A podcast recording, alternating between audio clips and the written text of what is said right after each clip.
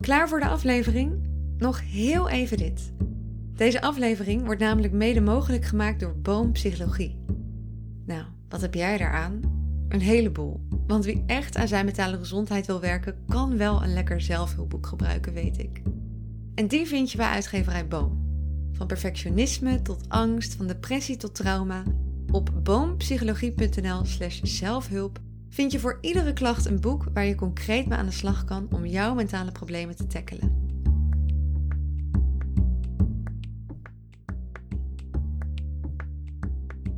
Komt een meid bij de psych en dat ben ik. Hoi, ik ben Eva Breda, journalist en een millennial met mentale klachten en in deze podcast ga ik in therapie voor mijn angsten, stress en somberheid. Dat doe ik niet alleen voor mezelf, maar ook voor jou. Wij millennials hebben de meeste mentale klachten van alle generaties, maar wij lopen veel te lang rond met onze problemen die van kwaad tot erger gaan. Tja, wij lossen alles graag zelf op en die drempel naar hulp, die is te hoog. In deze podcast sleur ik jou die drempel eens over en laat ik je zien wat er gebeurt in de behandelkamer van de psycholoog. Je volgt mijn levensechte therapiesessies en komt erachter dat het best wel meevalt, therapie. Vandaag luister je naar een extra aflevering. Om de paar weken krijg je naast de aflevering met mijn therapiesessie een extra aflevering cadeau. Hierin ga ik in gesprek met andere millennials die psychische hulp zochten om te laten zien bij wat voor uiteenlopende klachten je hulp kunt krijgen en wat dat oplevert. Deze week Lotte, die als verpleegkundige in de coronapandemie een burn-out kreeg. Zij is nog herstellende, daarom ga ik naar haar huis toe voor het interview, zodat ze niet hoeft te reizen. Een kleine disclaimer vooraf. Door werkzaamheden rondom haar huis is er af en toe wat achtergrondgeluid te horen.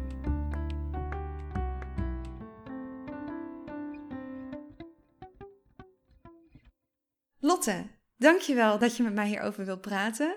Jij hebt ook psychologische hulp voor iets gezocht. En dat was in jouw geval een burn-out. Kan je vertellen hoe, je, nou ja, hoe jouw burn-out begon? Waar herkende jij het aan?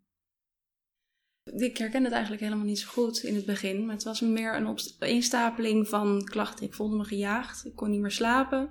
Uh, ik kon heel moeilijk uit bed komen. Tot dingen zetten. Ik had nergens meer zin in eigenlijk. Uh, mijn concentratie was minder. Mijn geheugen was minder. Dus ik merkte ook op mijn werk dat ik bijvoorbeeld uh, twee keer moest lopen. Dan was dat niet zo erg. Maar ik was wel bang om wat crucialere fouten te gaan maken. Ja, want je werkt ook in de zorg, hè? In de zorg, ja. ja. En uh, ja, daar wil je gewoon geen fouten maken, omdat het grote, of in ieder geval effect kan hebben op andere mensen. En uh, er liep ook een vragenlijst uh, in het ziekenhuis over de mentale status van zorgmedewerkers tijdens zo'n COVID-vlaag, of tijdens de COVID-zorg. Die heb ik ingevuld en toen scoorde ik eigenlijk met de eerste lijst al hoger dan dat oké okay was.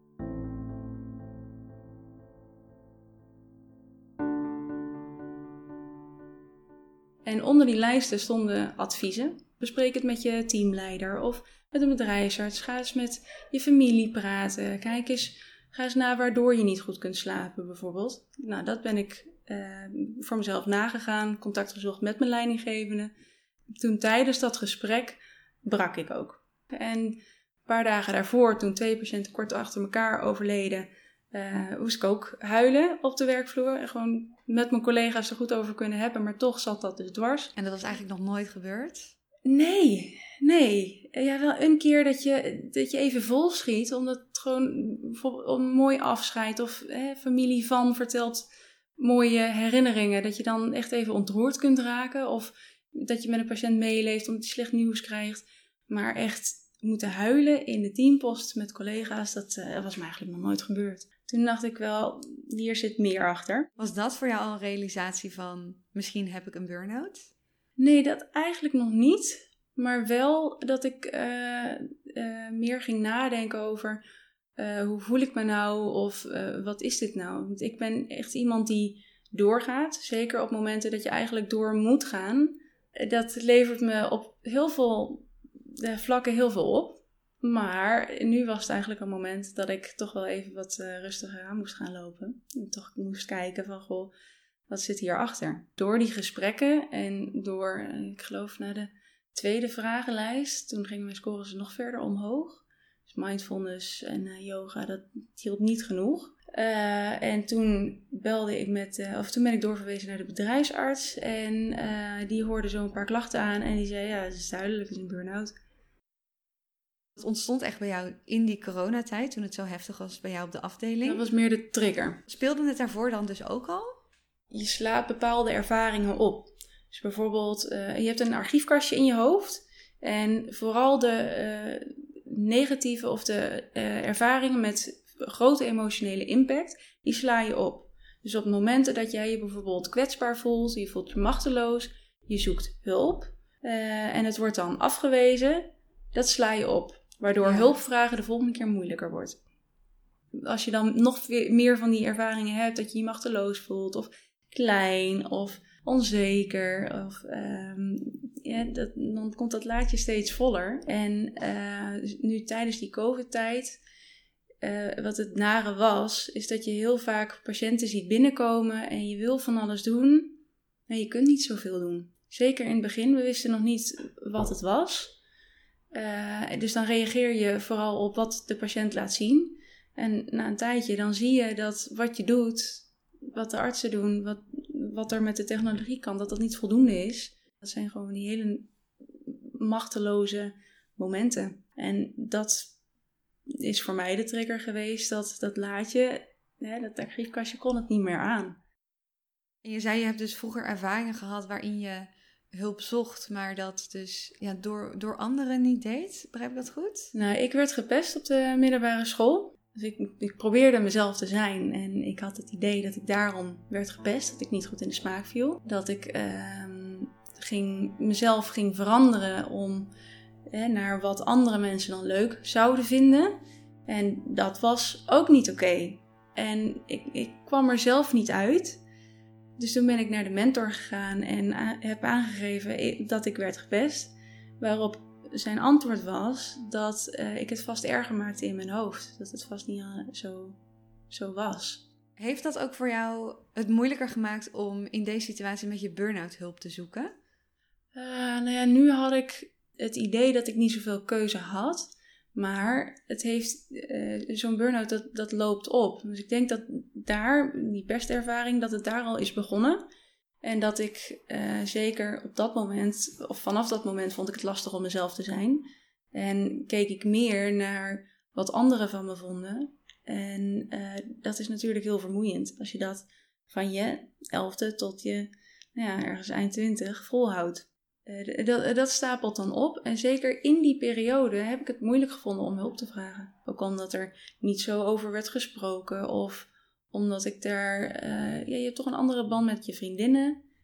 Want je bent er in je hoofd dan wel mee bezig. Maar andere vriendinnen die, die fietsten door het leven heen. Of kijk, zeker in die puberteit. Iedereen heeft sensoren, maar niemand praat erover. Als het even niet goed gaat, had je niet het gevoel dat daar heel veel ruimte voor was om daar echt over te praten. Nee, en kijk, het stomme is, uh, ik kan alles delen met mijn ouders, maar toch ook vond ik het daar lastig. Ik denk ook omdat ik, uh, ik ben altijd iemand geweest, vanaf kleins af al, dat ik dingen zelf wilde doen. En dat dat ook werd gestimuleerd door mijn ouders. Dus uh, ik denk dat ik het dan wel lastig vond om, als zij hè, mij zo goed stimuleerden om het zelf te doen, om dan vervolgens te zeggen, ja maar dit lukt me niet zelf. En daar heb ik toch hulp bij nodig. Is dat een vorm van je dan gefaald voelen als je ergens dan hulp bij nodig hebt? Ja, ik wil het heel graag zelf doen, maar... Uh... Met je burn-out heb je dus wel die hulp gezocht of eigenlijk aangeboden gekregen, want je ging naar de bedrijfsarts. Ja, ja. En vervolgens dan is, hè, krijg je de vraag, ja, wat wil je hier aan doen? Uh, je krijgt een aantal uh, adviezen of hè, van mensen in jouw situatie kiezen wel bijvoorbeeld voor een psycholoog. Maar ik had ook echt fysieke klachten. Dus ik heb zelf ook een uh, fysio benaderd. Uh, ik kon, uh, ik wilde veel meer dan dat ik kon. Dus mijn balans tussen belastbaarheid en belasting, ja, dat kreeg ik niet voor elkaar. Dus daarvoor heb ik ook de hulp van een ergotherapeut gezocht. yoga lukte niet meer. Dus toen ben ik uh, naar andere dingen gaan zoeken van wat kan ik nou wel. Andere sporten die ik graag doe, rennen, fietsen, dat ging ook niet meer. Dus dan moet je echt kijken naar, oké, wat kan ik nog wel doen? Want ja, je wil iets blijven doen. Je zegt dat dat lukte niet meer. Was je echt fysiek ook uitgeput buiten adem? Ja, want ehm, waar we ook achter kwamen doordat ik uh, vervolgens ook nog naar de huisarts ben gegaan om bijvoorbeeld COVID uit te sluiten, dat dat niet ook nog meespeelde, was dat ik ook Fiverr had. Dus ja, en dan doorlopen met Fiverr op zo'n COVID-afdeling in zo'n lekker pak. En uh, maar door blijven bikkelen en uh, denken, joh, we zetten ons hier even er doorheen. En dan aan het eind, dan is het weer oké. Ja, dat ging niet meer. Die eerste golf, prima, dat was niet zo lang. Maar die tweede golf, uh, die hield me niet op. Je bent dus op meerdere vlakken hulp gaan zoeken. Hoe ging dat? Hoe, hoe zagen jouw dagen eruit? Eerst ben ik doorgegaan met werken. Ik voelde me te gejaagd om echt thuis te zitten en voor therapie te gaan. Mijn hoofd was ook gewoon nog te vol. In fysiotherapie was ik wel mee begonnen, maar ik liep een trap op en ik was buiten adem. Dus ja, op werk moest ik het ook echt rustiger aan doen. Dat heb ik ook wel aangekaart toen. Uh, en ook mijn leidinggevende die is daar heel erg uh, behulpzaam in geweest. Die zei ook, geef aan wat je grens is. Uh, en een tijdje ook om dat te realiseren, die halve dagen ben ik boventallig gezet zodat, ja, anders, je kunt niet een verpleegkundige inzetten voor een halve dag en daarna iemand anders voor een anderhalve dag. Dus dan was ik er gewoon extra in de ochtend. Dus als het niet ging, dan kon ik gewoon heel even mijn rust pakken. Dat was wel lastig, zeker als je je zo gejaagd voelt. En uh, toen ik vervolgens in die periode kreeg ik dan te horen dat ik Fiverr had, toen ik nog halve dagen werkte. En toen vroegen collega's aan me van ja, maar gaat het wel? Moet jij niet gewoon naar huis? Moet je niet gewoon even er helemaal tussenuit? En door die vragen en doordat ze zeiden van het is oké en we redden ons wel. Het is, uh, er kunnen ook anderen komen werken. Je, je bent niet alleen. En doordat ze dat zeiden, werd het voor mij wel makkelijker. En toen ik merkte van ik krijg het inderdaad ook niet bijgeslapen. En ik krijg buikpijn, ik moest gewoon overgeven voordat ik naar werk moest. Toen werd het wel heel duidelijk: dit is niet meer oké. Ik ga thuis zitten.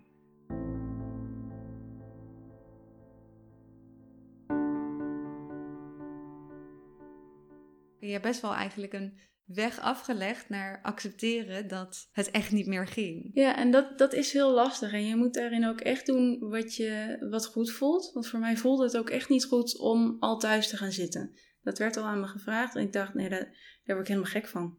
Want hoe vol mijn hoofd zat. Het was echt alsof er uh, twee Olympisch kampioenen pingpong stonden te spelen in mijn hoofd. Dat was ontzettend irritant. Ik dacht, als ik dan thuis ga zitten, dan word ik gillend gek. Dus um, nou, halve dagen, dan is het wat behapbaarder. En daarna merkte ik inderdaad van, nee, dit gaat niet meer. Mijn lijf trekt het niet meer. En dan, pas wanneer het goed voelt om thuis te gaan zitten, denk ik dat je ook de rust kunt vinden om thuis te zitten. En uh, toen was vrij snel, geloof ik, de start van de therapie. Ja, dan heb je alle gesprekken eh, en eh, dan ben je ook nog hartstikke druk. En hoe zag die therapie eruit? Wat voor soorten therapie kreeg je? Uh, ik heb cognitieve gedragstherapie gekregen. Dat is dus echt voor het verkennen van patronen. Hoe denk je? Hoe ga je ergens mee om? Waar loop je tegenaan? En hoe kunnen we daar, um, uh, waar loop je in negatieve wijze tegenaan? En hoe kunnen we daar een positieve draai aan geven? Dus niet het afkeuren van gedrag of zeggen van, nou, mijn copingstijl, hoe ik mijn hele leven ermee om ben gegaan, dat slaat helemaal nergens op. Maar hoe kunnen we er, um, ervoor zorgen dat je er wat, wat beter mee om kunt gaan? Hoe kan ik wat vriendelijker zijn voor mezelf? In plaats van eisen leggen, doelen stellen en doorkrijgen, oké, wat houdt zijn doel dan in, hoe kan ik er naar werken?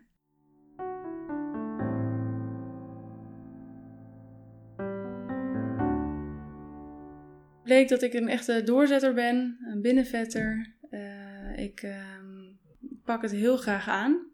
Ik heb ook hoge eisen van mezelf. En ik vond, uh, of ik vind, uh, afspraak is afspraak. En als iemand anders een afspraak afzegt, heb ik er geen probleem mee. Maar als ik een afspraak maak, dan wil ik hem nakomen. Dan wil ik ook echt precies op tijd zijn. Dus met alles eigenlijk legde ik mezelf wel druk op. Wat ik merkte is dat ik uh, um, in mijn werk ook door wilde groeien. Je wil loopbaan maken, je, wil, je hebt ambitie. En ik ben mezelf gaan afvragen, waar, waar wil ik dan naartoe werken? En dat wist ik eigenlijk niet. Toen dacht ik, ja, maar waarom heb ik dan zo'n haast? Je bent jong, je wil wat, tuurlijk. Maar hoe snel wil je dat? Of waarom wil je dat zo snel? En wil je dat ten koste van jezelf en je mentale gezondheid? En je gaf ook aan dat je dus echt een binnenvetter bent, dat je dat echt bleek te zijn. Merkte je dat ook in de tijd van je burn-out uh, met je omgeving? Kon je dat kwijt bij je vrienden of je familie? Ja, toen kon ik het wel kwijt. En ik zoiets had van, nou goed, dan... Ik, blijk, blijkbaar moet ik hierover praten. Want nee, je, je krijgt het niet voor niets, het bouwt op. Uh, en toen merkte ik dat uh, bijvoorbeeld ook mijn ouders die zeiden dat ze wel vaker het idee had dat er dan iets was, maar dat ik het niet vertelde. dan hadden ze iets van ja, uh, Jolijn praat makkelijk, dus als er iets is, dan komt ze er vanzelf mee. Dan gaan we er niet naar vragen. En ook vriendinnen merkte ik dat ik er ja, lang niet altijd mee lastig wilde vallen, omdat het idee van dat mensen van mij vaak hebben, is dat ik het allemaal wel kan. Dat ik alles aan kan, uh, dat ik alles leuk vind, dat ze me alles kunnen vragen.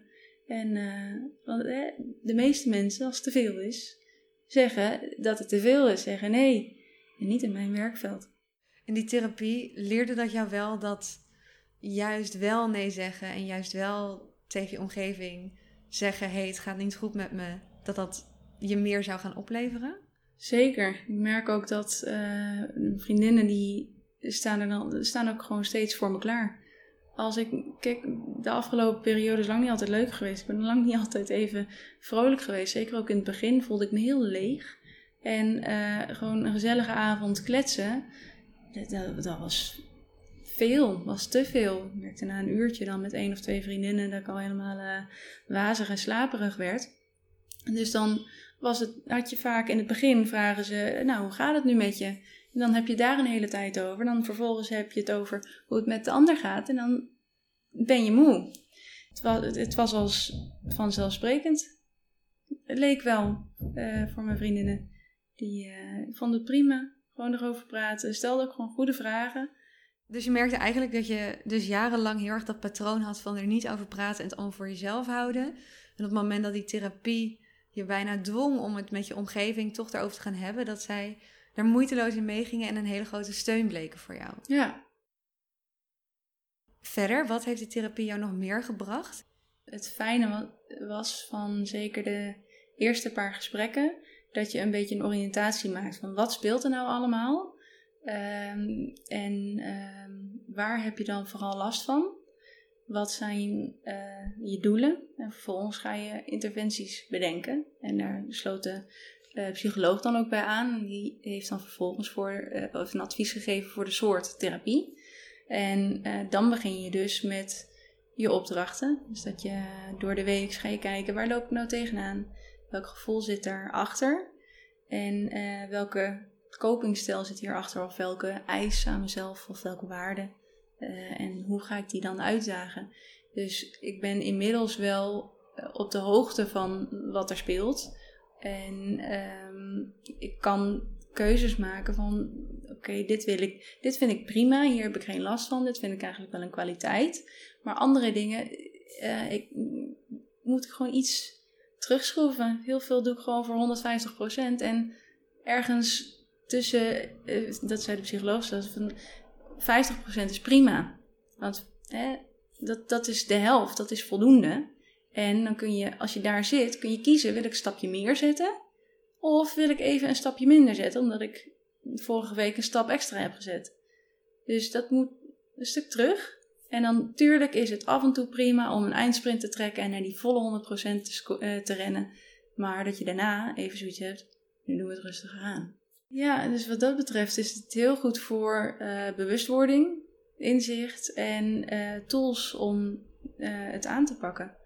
Ja, want therapie betekent natuurlijk niet per se dat met een paar gesprekken je burn-out weg is. Maar je bent nu dan een paar maanden in therapie en je burn-out is natuurlijk echt niet zomaar weggepoetst met een paar gesprekken. Maar heb je het gevoel dat je nu ja, toch wel die tools en wat meer inzichten hebt, waardoor je nu beter kan omgaan met je klachten en op weg bent naar herstel? Zeker. Ik heb nu het vertrouwen inmiddels terug dat het goed gaat komen. Het is gewoon een hele goede leerschool.